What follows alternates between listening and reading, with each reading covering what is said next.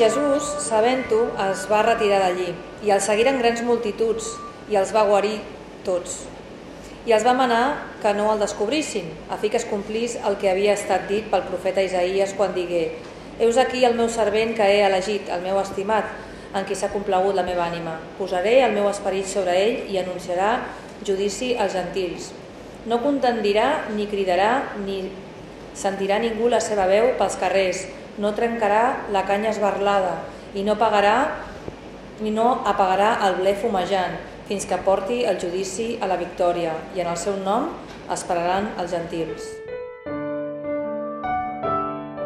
Hola i benvingut al podcast de Ciutat Nova, una església protestant al barri 22 arroba de Barcelona.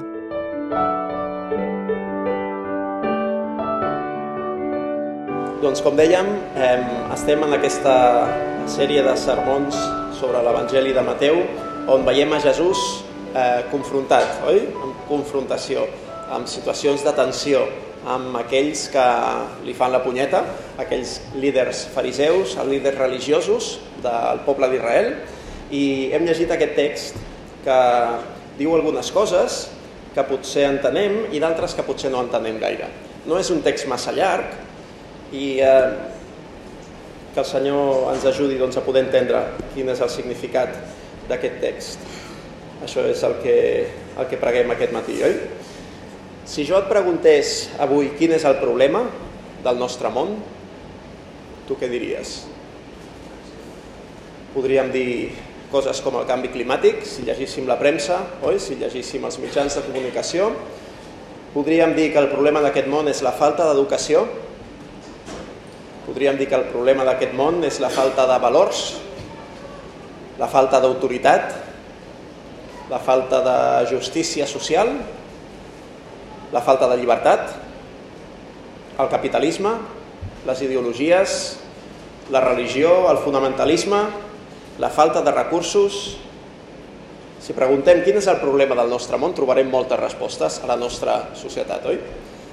I si preguntem també quina és la solució als problemes del nostre món, doncs segurament trobarem una varietat de respostes tan grans o més grans que les d'abans, no? Què és el que cal en aquest món? Doncs cal ecologisme, cal educació, calen els valors adequats, calen eh, justícia i autoritat, cal justícia social, cal llibertat, cal redistribuir la riquesa, cal ser tolerants, cal que siguem una societat secular, cal que s'inverteixi en allò que importa. Tot això són possibles solucions als problemes que veiem en el nostre dia a dia, a la nostra cultura, a la nostra societat. I si a més a més de quin és el problema del nostre món, de quina és la solució, jo us pregunto, qui ha de resoldre aquests problemes i aplicar aquestes solucions? Què diu la nostra cultura? Què diem nosaltres? Algú diria, en una societat secular com la nostra, som nosaltres mateixos els que hem de resoldre els problemes, oi? No esperem, com feu vosaltres els creients, amb aquesta idea oi? tan infantil de tenir un Déu al cel que us cuida i totes aquestes històries que creieu els cristians. Nosaltres mateixos resoldrem els nostres problemes, ens diríem, a través de la ciència, a través de la tecnologia.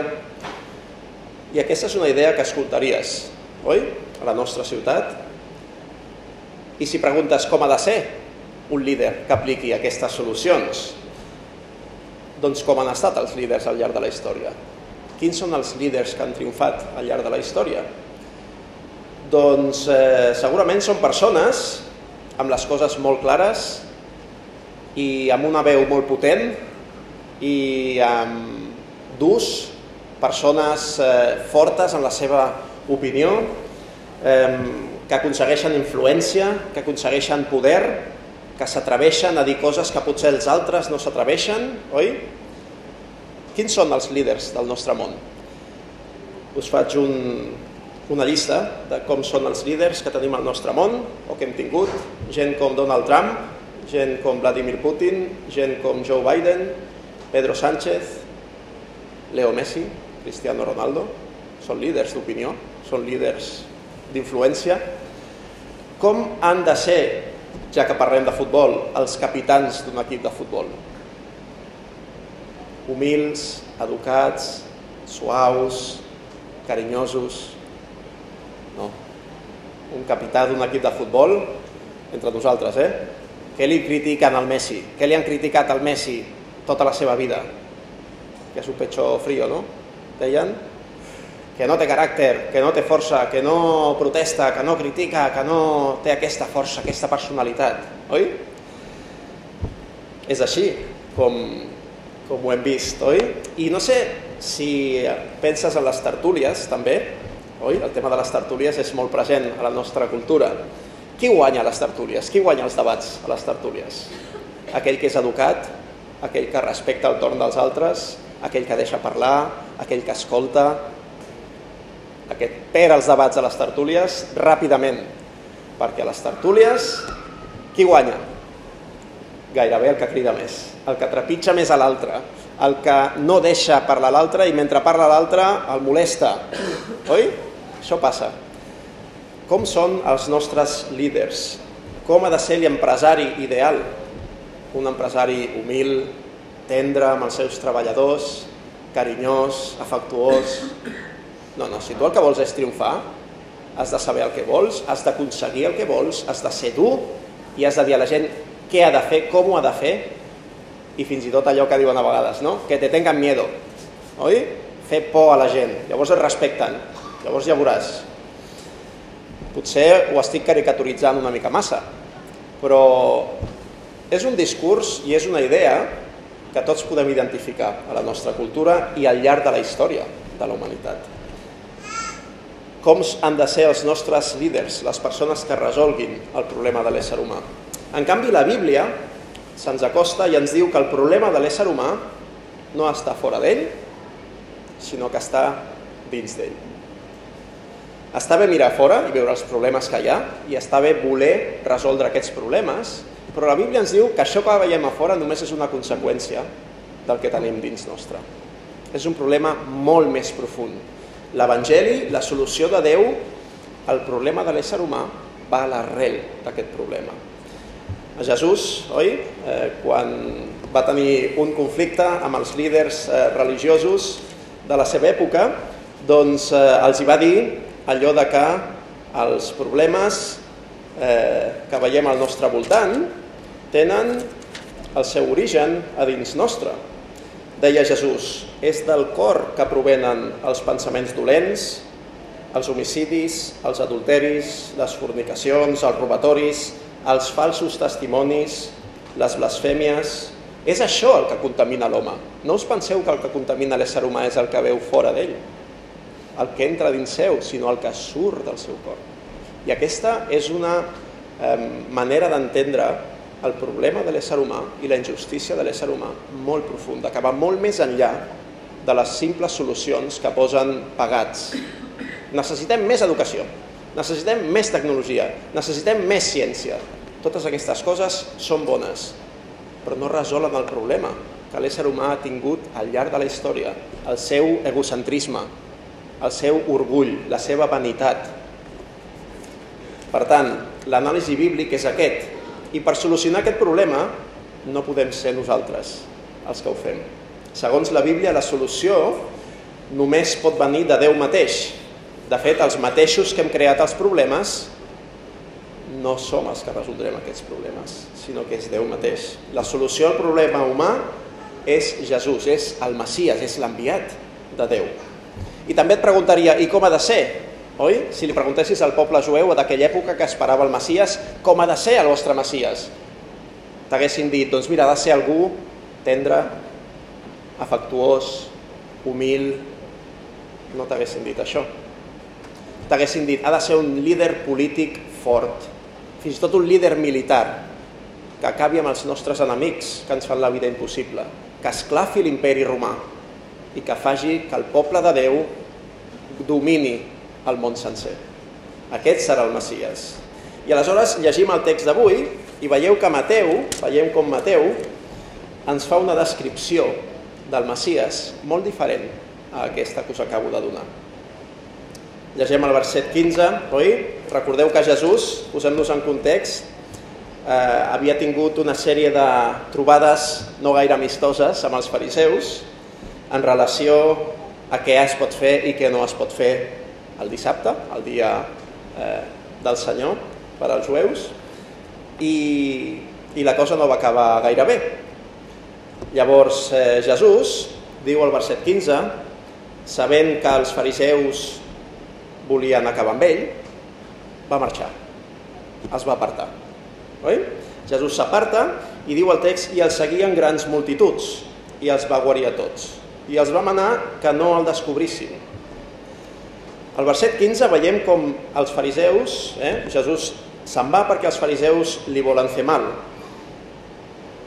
I mentre fa això, continua fent el bé. Veieu com Jesús eh, se'n va perquè ell considera que la seva hora encara no ha arribat, i se'n va i aquelles grans multituds que el seguien tenen necessitats. Necessiten algú que els ajudi. I Jesús, diu, els va guarir a tots. Per què Jesús va fer això? No sé si t'has preguntat alguna vegada per què Jesús feia tot això. Aquells grans eh, guaridors, aquells personatges que volen donar-se a conèixer com a, com a mags, com a persones que són capaces de fer miracles, el que volen és una gran publicitat, moltes vegades, oi? Una gran publicitat. I volen ser vistos per als altres i volen guanyar fama per ells mateixos. Trobaríem exemples de persones a la Bíblia, trobaríem exemples de persones al llarg de la història. Però per què Jesús guaria a aquelles persones? Va guarir a aquelles persones. El mateix Evangeli de Mateu ens dona resposta a aquesta pregunta. Llegim el capítol 9, verset 36, i diu això. Jesús, veient les multituds, en tingué compassió perquè estaven fatigats i esgarriats, com ovelles que no tenen pastor. I més endavant, el mateix Evangeli de Mateu, us ho llegeixo perquè té relació amb el que avui ens diu Mateu sobre Jesús, diu, i quan Jesús, capítol 14, va desembarcar, va veure una gran multitud i en va tenir compassió i va guarir els seus malalts. Jesús guareix a la gent els hi fa bé per compassió. Jo no sé si quan tu veus les multituds, si quan tu penses en les persones al teu voltant, en la gran ciutat, fins i tot, penses en les necessitats d'aquestes persones. Què pensem quan veiem al nostre voltant persones allunyades de Déu? Jesús veia a persones amb necessitat de Déu, amb necessitats físiques i tenia compassió per ells. Per tant, veiem com el Messies que arriba a Israel, Jesús, és un Messies diferent al que aquell poble estava esperant. I quan continuem en el text, al verset 16, eh, veiem com Jesús té una estratègia. Jesús no vol ser conegut perquè sí, en tot moment, que tothom parli de mi, que tothom expliqui a la gent què és el que estic fent, Fixa que Jesús diu, eh? els va manar que no el descobrissin. Jesús té una estratègia. Jesús sap quan ha d'estar al centre de l'acció i quan està apartat de l'acció. Jesús sap el per què fa les coses i quan vol fer les coses. I això ens ha de fer pensar en nosaltres també, no? Quina és la nostra estratègia quan volem arribar amb el missatge de l'Evangeli a la gent del nostre voltant? Sempre hem de parlar igual a tothom? Sempre hem de estar al centre d'atenció? Sempre hem de ser iguals amb els altres? Sempre hem de dir les mateixes veritats de la mateixa manera? O hi haurà moments en els que cal dir una veritat i esperar una mica fins que aquella veritat, oi? Com compartim l'Evangeli amb la gent del nostre voltant? Com Jesús arribava a les persones? De vegades estan al centre, i estan en conflicte, de vegades apartant-se. Per tant, tinguem en compte això i aprenguem com Jesús tenia una estratègia eh, ben clara. I arribem, després d'aquests dos versets que ens introdueixen en en aquesta cita que fa Mateu d'Isaïes, versets 17 en endavant, no? i diu el verset 17, a fi que es complís el que havia estat dit pel profeta Isaías quan digué tot això que ens dirà, oi? Mateu ens ha explicat diferents accions de Jesús amb els fariseus, oi? I aleshores és com si s'aturés un moment i reflexionés. Diu, ara ens aturem una estona i pensem en com avaluem el que Jesús ha fet en el capítol 12. Aquesta trobada de Jesús amb els fariseus, quan va amb els seus deixebles i els seus deixebles agafen aquell blat i el mengen, aquella trobada a la sinagoga amb aquell home que tenia la mà seca, Jesús el va guarir i va tenir de nou aquest conflicte amb els fariseus, i aleshores Mateu, en comptes de dir-nos una altra cosa que va fer Jesús, s'atura i avalua el que Jesús ha fet en aquest capítol 12 amb una cita del profeta Isaías. Mateu ens anima a reflexionar sobre el que Jesús ha fet, sobre el ministeri de Jesús. I és una reflexió que nosaltres avui resumim no en tres, sinó en quatre punts, d'acord? Una reflexió que resumim en quatre punts. El servent de Déu, l'humilitat del servent de Déu, la compassió del servent de Déu i la justícia. El servent de Déu, humilitat, compassió i justícia. Comencem, doncs, amb el primer d'aquests eh, textos, oi? Diu el, el verset 18, Heus aquí, citant Isaías, eh, a Mateu, Heus aquí el meu servent que he elegit, el meu estimat, en qui s'ha complegut la meva ànima. Posaré el meu esperit sobre ell i anunciarà el judici als gentils. La manera de fer de Jesús encaixa amb la manera de fer d'aquest personatge que apareix a Isaías, que anomenem, en castellà ho dic, em sona més bé, el siervo sufriente, el servent, sufre, el servent que pateix, oi? No sé, en català no em queda tan bé. En el context d'Isaías, segurament aquell text es referia al propi poble d'Israel, perquè el poble d'Israel és l'escollit de Déu a l'Antic Testament, oi? És el servent de Déu. Però, com sabem, Israel va fallar a la seva missió, en el seu ministeri, en la seva tasca. D'aquesta manera, Déu va triar a una persona del poble d'Israel, Jesús mateix, per dur a terme allò que Israel no havia dut a terme. El poble d'Israel va ser infidel a Déu i no va dur a terme, no va ser la llum a les nacions que havia de ser. Així que Déu va haver de fer-se home i venir a resoldre aquest problema. L'escollit de Déu seria aquell que duria a terme l'obra de salvació de Déu. Carregaria amb el càstig pel pecat del poble i les característiques del servent sofrent, del servent que pateix, componen el que seria el currículum vitae del Maciès. Com ha de ser el Maciès? Com seria el teu Maciès? Podríem preguntar, com hem fet abans, oi? A la gent del poble d'Israel. Com ha de ser el vostre Maciès? Doncs eh, aquest Maciès, segons Mateu, és Jesús, i el Maciès serà un servidor que patirà.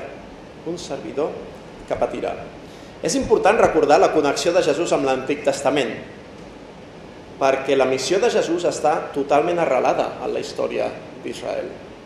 Hem d'honorar l'Antic Testament, hem de valorar l'Antic Testament, hem d'entendre el per què hi ha un Antic Testament abans d'un Nou Testament. Oi? Per tant, tinguem això en compte.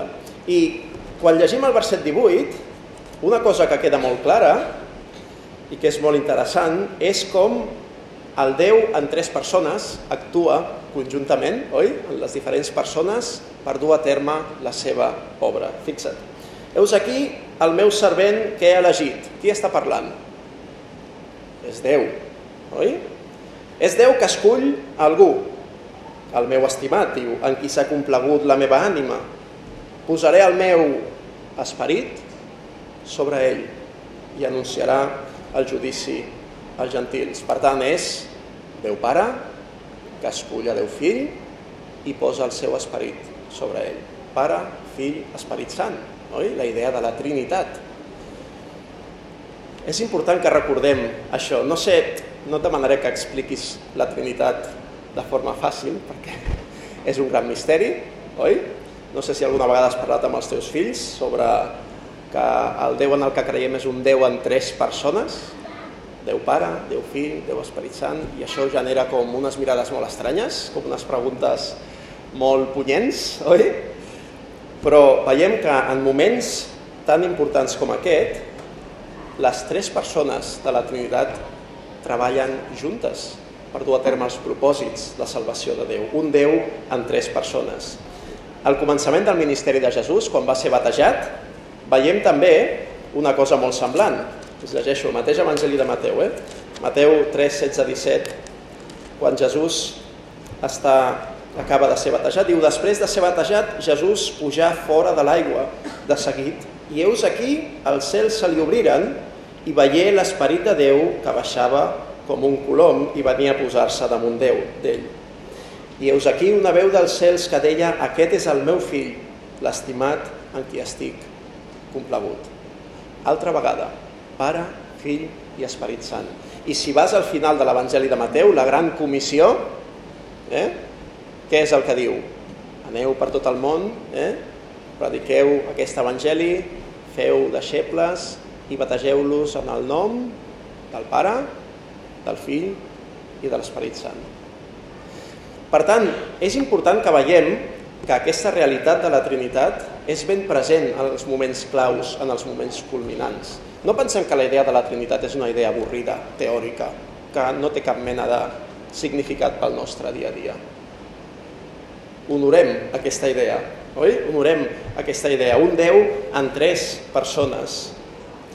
La font del poder del Messies, llegim en aquest text, és l'esperit. Posaré el meu esperit sobre ell, diu aquest text. I sabem que el món rebutjarà a Jesús, però el Pare està content amb ell. Penseu per un moment amb això. El món rebutjarà a Jesús. Sabem com acaba l'Evangeli, oi? Sabem que Jesús és rebutjat per al món. Després venç la mort, torna a la vida, però Jesús és rebutjat per al món però té l'acceptació del seu pare. Com a cristians, a un altre nivell, eh? perquè nosaltres no som el Messies, però estem cridats a tenir la mateixa perspectiva. Nosaltres, per l'obra de Jesús, som fills de Déu. Per l'obra de la salvació, som fills de Déu. Com a cristians, estem cridats a experimentar el mateix. La Bíblia ens diu que el món rebutjarà els cristians, oi? I és una bona pregunta que ens podem fer. Estem disposats a acceptar el rebuig de la nostra cultura i de la nostra societat? Estàs disposat a això? I en tens prou amb ser acceptat per al teu pare, al cel? Com va fer Jesús? Jesús tenia l'acceptació del seu pare i tenia el rebuig del món. I ell estava content amb aquesta situació. Tu i jo podem avui tenir aquesta mateixa situació. Podem recordar que som fills de Déu com a cristians, que hem posat la fe en Jesús i d'alguna manera, a través de Jesús, Déu Pare, quan ens veu a tu i a mi, aquelles persones que han cregut en Jesús, pot dir allò de aquest és el meu fill estimat, en qui estic complagut. Aquest és el meu fill estimat, en qui estic complagut. Això és veritat de cada cristià que confia en Jesús i que accepta la seva obra de salvació. És veritat això de tu avui? El Pare t'estima, Jesús ha mort per tu i l'Esperit viu en tu. El Pare t'estima, Jesús ha mort per tu i l'Esperit viu en tu. Aquestes són veritats que s'apliquen avui a tu com a cristià. Per tant, veiem que el servent de Déu té aquestes característiques. És algú que ha estat escollit, algú que ha estat estimat per al Pare i algú que té l'esperit sobre ell. I després el verset 19 diu, fixeu-vos, eh, no contendirà ni cridarà ni sentirà ningú la seva veu pels carrers. No contendirà ni cridarà ni sentirà ningú la seva veu pels carrers. De què ens parla aquest verset? El segon punt que dèiem, oi? Hem vist el servent de Déu humilitat. Humilitat. No contendirà, ni cridarà, ni sentirà ningú la seva veu pels carrers. Jesús està moltes vegades en confrontació, oi que sí? Amb els fariseus, un munt de vegades. Però Jesús no busca la confrontació. Hi ha moments que potser sí, però no sempre. Jesús, diguéssim que no és un xerrameca, no és allò que diríem en castellà, per donar l'expressió, un follonero, no? Jesús no és la típica persona que busca conflictes constantment. No és algú que va per la vida muntant espectacles ni s'imposa amb crits i amb males paraules. Oi? Quan cal confrontar, confronta. I es manté ferm amb aquella confrontació, però no busca la confrontació quan aquesta no és necessària i no porta al lloc. També és una lliçó que potser hauríem d'aprendre nosaltres, oi? Jesús és, deia el text de Mateu del capítol 11, dòcil i humil, d'acord? Jesús és dòcil i humil, d'acord? Aprenem també aquesta lliçó. Jo no sé com és el teu caràcter, més o menys ho intueixo, eh? Us veig aquí a tots, eh? Però ho sabem, no? Hi ha persones que tenen tendència a disfrutar amb el conflicte, no sé si en coneixes alguna d'aquestes persones, eh? Hi ha persones que, tenim, que tenen tendència a evitar el conflicte sempre. Llavors, el bo seria tenir un equilibri, oi? No tenir por del conflicte, quan hi ha d'haver conflicte, doncs mira, fem-hi front. Però no buscar, no gaudir del conflicte. Oi? En Jesús hi trobem una persona amb un caràcter equilibrat, amb una personalitat que no és ni massa confrontacional, no sé si és la paraula adequada, ni massa temorosa de dir les coses. Oi? No sé en quina, en quina banda caus tu. Eh, però busquem aquest equilibri i veiem com imitar a Jesús és imitar aquest equilibri també en la nostra manera de relacionar-nos amb els altres. Hi ha moments per aixecar la veu, hi ha moments per denunciar, hi ha moments per dir les coses clarament. Però hi ha moments la majoria d'ells, jo diria, per vigilar molt amb les nostres paraules, per mantenir silenci, per eh, posar l'altra galta. Qui va ser que ho va dir això? Jesús, oi? Hi ha d'haver moments per rebre certes injustícies i posar l'altra galta. Per tant, demanem al Senyor la seva saviesa per imitar aquest equilibri que hi havia en Jesús. No? no sé com portes aquest equilibri a la teva vida. Per tant, veiem que el servent de Déu, la solució de Déu al problema de l'ésser humà és un servidor que patirà i que és humil. Per tant, això ja trenca, oi?, amb els esquemes de com nosaltres salvaríem el món. Si vols salvar el món, l'humilitat no et serveix per res, no? Has de ser dur, has de passar per damunt dels altres. Però veiem com la solució de Déu és algú humil i és algú, següent punt, compassiu. Hem vist la humilitat d'aquest servidor i ara veiem la seva compassió. No trencarà la canya esbarlada i no apagarà el ble fumejant fins que porti el judici a les nacions. Mira, aquest és un d'aquells textos que jo recordo com era? Reina Valera, sisplau, va, com era això? El pavo, no, la canya cascada sí, però el pàbil, pa, pàbilo humeante. Dime que és un pàbilo i dime que és un pàbilo humeante. Oi? Són aquells textos, el pàbilo humeante no apagarà, no? La canya quebrada. En català tampoc és que guanyi molt, oi? La canya esbarlada i no apagarà el ble fumejant no sé quants plets fumejants has utilitzat aquesta setmana, tu, o has vist aquesta setmana. Són aquelles paraules, són aquells elements que s'utilitzaven en aquella època que avui no utilitzem. Us ho explico una mica, eh? A la societat de Jesús hi havia moltes canyes. Sabeu què és una canya? No la cervesa, la canya al pal, eh? Les canyes al riu, sí? N'hi havia moltes, n'hi havia moltíssimes. I s'utilitzaven per moltes coses. Amb una canya d'aquestes tu què podies fer? Podies fer una flauta, no sé com, eh, però podria ser una flauta. De fet, jo he vist a la meva dona, que és mestra de música, fer alguna flauta amb una canya, alguna vegada, no sé com, però sí. Després podies utilitzar-la com a bastó, podies utilitzar la canya fins i tot com a llapis, podríem dir, per escriure. Hi havia molts usos d'aquelles canyes. Però clar, la canya com havia d'estar? Havia d'estar bé. No podia estar escardada. Una canya escardada, toques la flauta i no sona bé, oi? Llavors, què feies? Si tu buscaves una canya per fer-te un bastó o una flauta o un bolígraf, tenies un munt que estaven bé.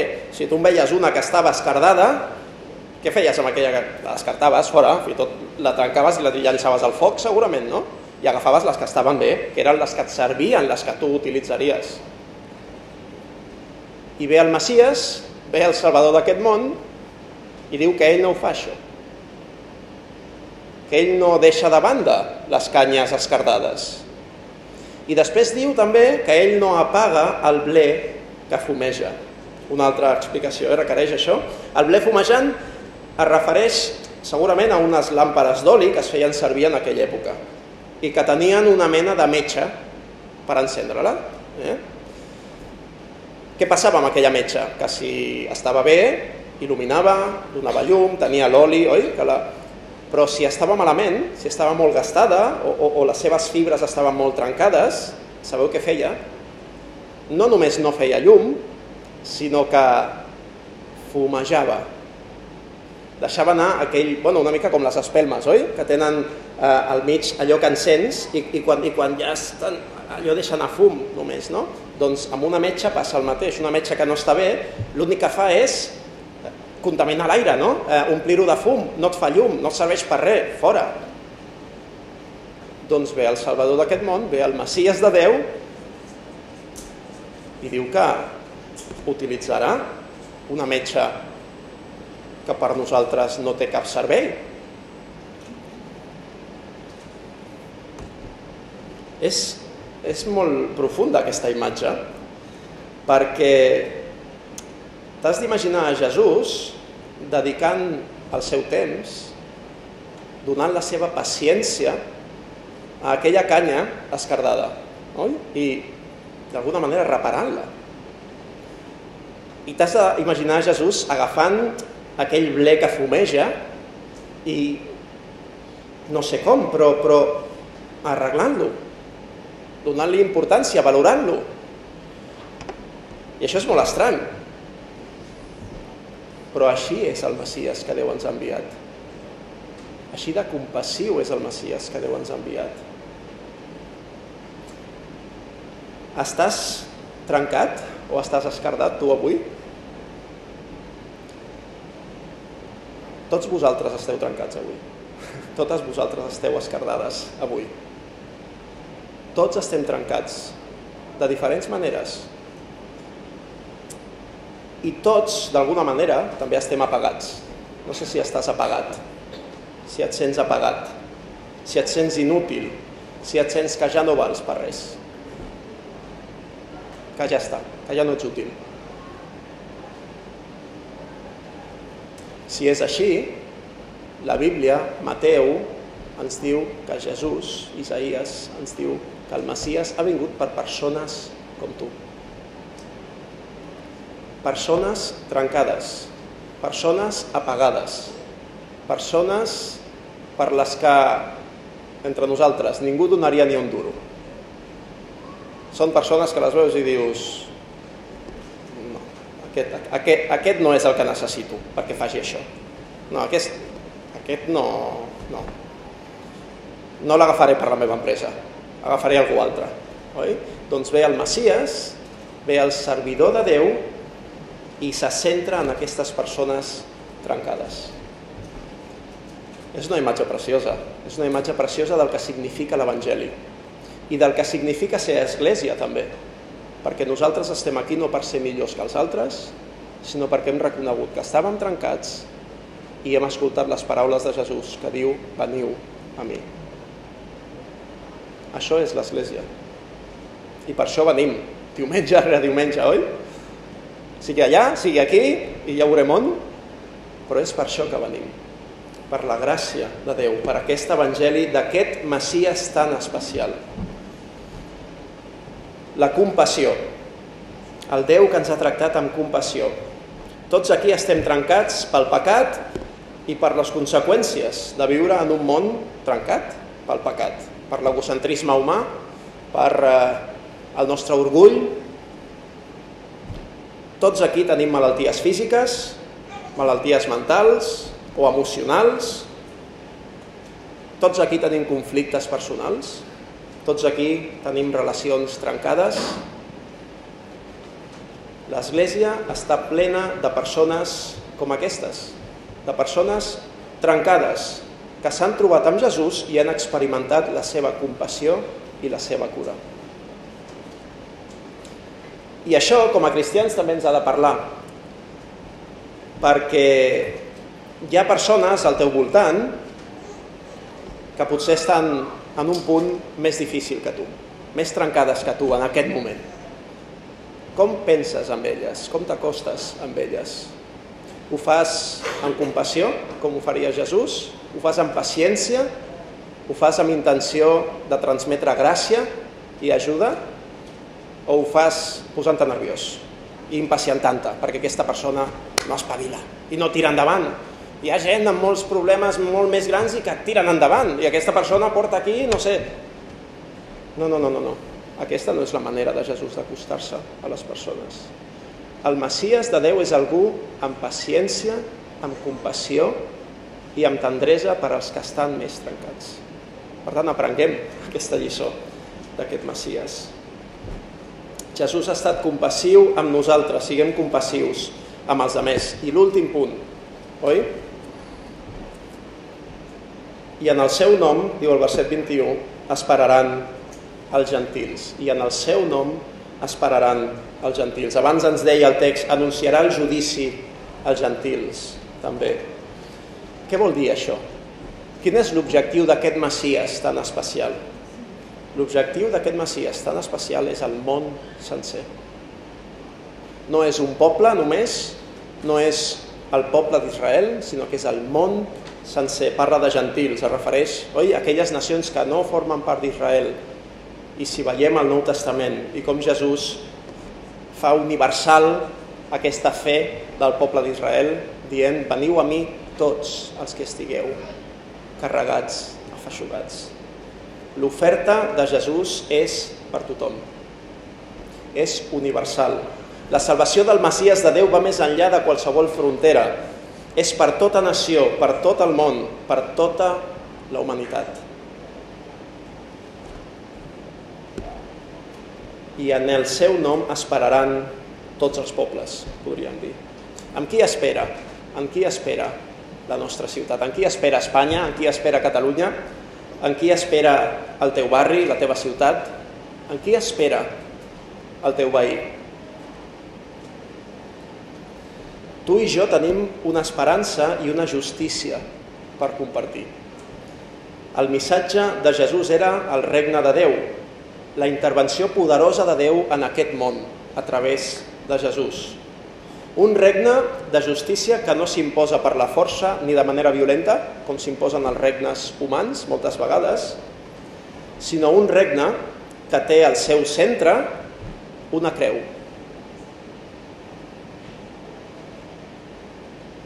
El Messies de Déu seria algú que serviria i que patiria. En aquella creu hi trobem allò que més necessita tot ésser humà, ser lliures del càstig que mereixen els nostres pecats, la llibertat de la nostra culpa, del càstig que mereix la nostra injustícia. Allà Jesús, el servent de Déu, va patir el càstig pels pecats que tot ésser humà havia comès, per d'aquesta manera alliberar-nos del judici just de Déu. A la creu de Crist hi trobem la solució al problema principal de l'ésser humà, que és la nostra injustícia, el nostre pecat, el nostre mal. Per rebre el perdó de Déu només cal que t'acostis a Jesús amb penediment i amb fe i que acceptis la seva obra de salvació per pecadors com tu i com jo. I el regne de Déu pot començar avui mateix a la teva vida. El regne de Déu va començar amb la vinguda de Jesús i pot ser experimentat avui mateix si poses la teva fe, la teva confiança en Jesús. El mateix Jesús que un dia tornarà i implantarà aquest regne de justícia a tot el món de forma completa i definitiva. Per tant, què faràs tu amb la humilitat del Messias? Què faràs tu amb la compassió del Messias? Què faràs tu amb la justícia que et regala i que t'ofereix Jesús avui?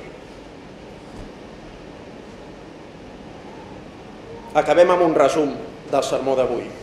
El líder que el món necessita es manifesta en Jesús en forma de servidor humil i compassiu. Només en ell el món sencer hi pot tenir l'esperança de que un dia la justícia pensarà. Tot i el fracàs dels líders d'Israel, el Senyor complirà els seus propòsits de salvació a través del seu servent, Jesús mateix. El seu servent és escollit, estimat, ple de l'esperit de Déu i tendre i humil.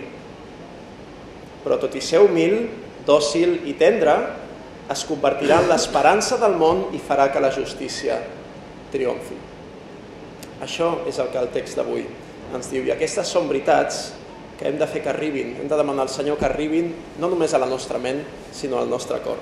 Acabem fent una lectura de la carta als filipencs que posa un final molt adequat, penso jo, al que hem estat veient en aquest text de Mateu.